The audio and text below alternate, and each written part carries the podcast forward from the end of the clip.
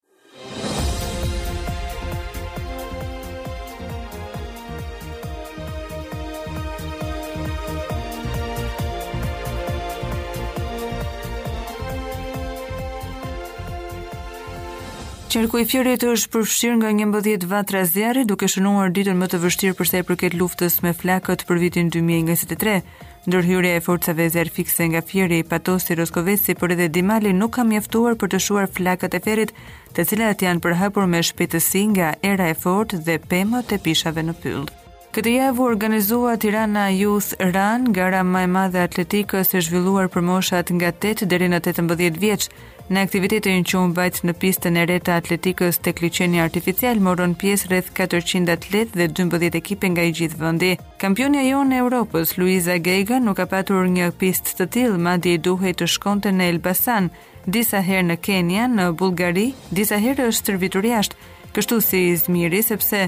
Nuk i kemi patur këto mundësi.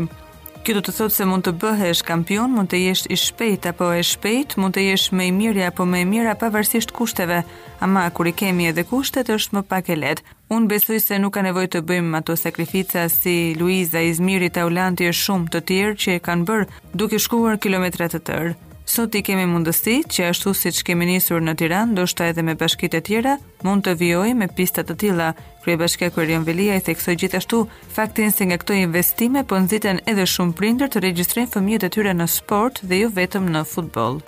Policia e shtetit ka referuar në prokurori deklarimet lidhur me plagosjen e efektivit të shqiponjave Etlira Lleshi nga 40 vjeçari Klered Bozhanaj, Tre kolegë të efektivit në dëshminë e tyre kanë treguar të gjithë ngjarjen që nga momenti kur autori u largua me shpejtësi pasi pa shërbimet policore e deri tek plagosja e efektivit të Shqiponjës, Tedi Koldashi, Sokol Mullaj dhe Ardion Shukullari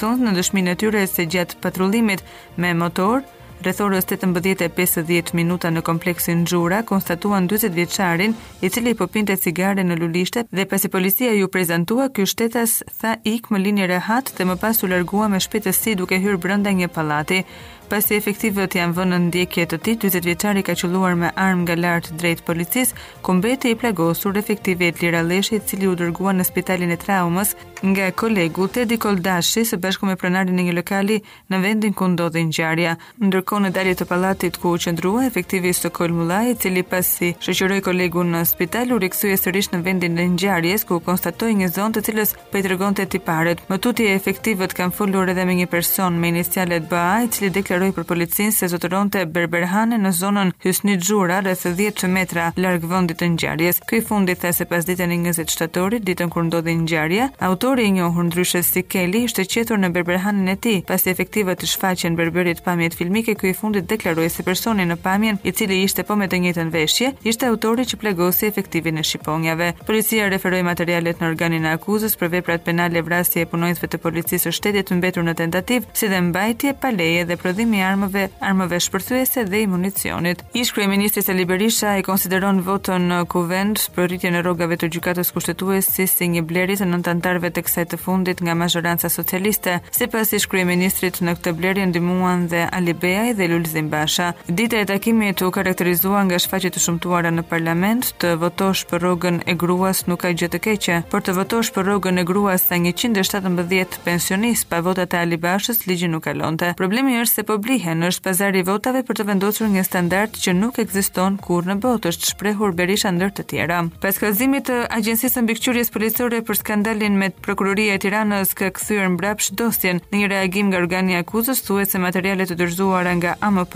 për sistemin TIMS nuk ishin të plota, ndërkohë që është dërguar fashikulli në Agjencinë e Mbikëqyrjes Policore për hetimet dhe veprime shtesë. Kallëzimi i AMP-së erdhi pak ditë pas denoncimit të skandalit që nxori në një reagim dhe ambasadën e SHBA-së, e cila ngriti shqetësimin për rrjedhjen e të dhënave. I ngarkuari me punë i ambasadës amerikane në Tiranë, në një takim me ministrin e Brendshëm Taulant Balla, shprehu shqetësimin e SHBA-së lidhur me shkeljen e sistemit TIMS në Policinë e Shtetit, duke kërkuar hetimin e shpejtë dhe të plotë si dhe duke ofruar mbështetjen amerikane Sakaj Balla iu përgjigj shqetësimit të SHBA-ve për sigurinë e të dhënave sensitive, duke thënë se të gjitha informacionet për thyerjen e ligjit, normave etike dhe rregulloreve të brendshme do të hetohen plotësisht. Përballja e kryeministrit Rama në Këshillin e Sigurimit të OKB-së në New York me ambasadorin rus ka bërë jehonë në mediat ndërkombëtare, E përditshmja gjermane Bild në një artikull të saj shkruan se drejtuesi i mbledhjes për Ukrainën në Këshillin e Sigurimit Edi Rama i vuri frenat me një fjali ankesës së ambasadorit rus. Në shkrim theksohet se ambasadorit rus nuk i pëlqeu fakti që presidenti ukrainas Volodymyr Zelensky